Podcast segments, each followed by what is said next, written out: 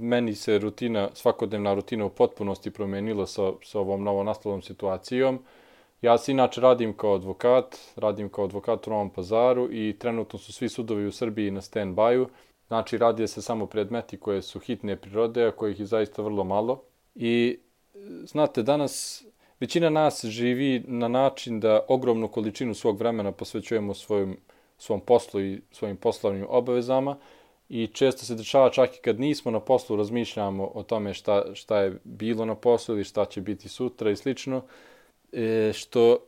kada se ponavlja iz dana u dan, iz godine u godinu, mislim da vrlo lako dođe do toga da se dođe do jedne vrste otuđenja nas, od nas samih i vrlo lako se dešava da zaboravimo stvar, na stvari koje su nam bitne, stvari koje smo voleli da radimo i slično.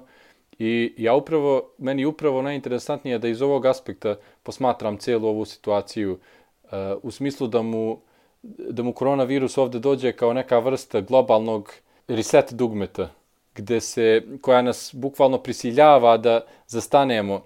sa tim jednim načinom života i da razmislimo o svemu,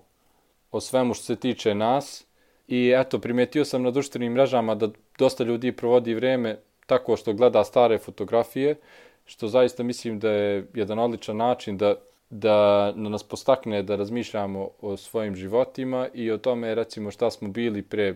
3, 5 ili 10 godina, a šta smo sada. I eto, još jedna zanimljiva stvar u vezi svega ovoga je to da, nažalost, u Srbiji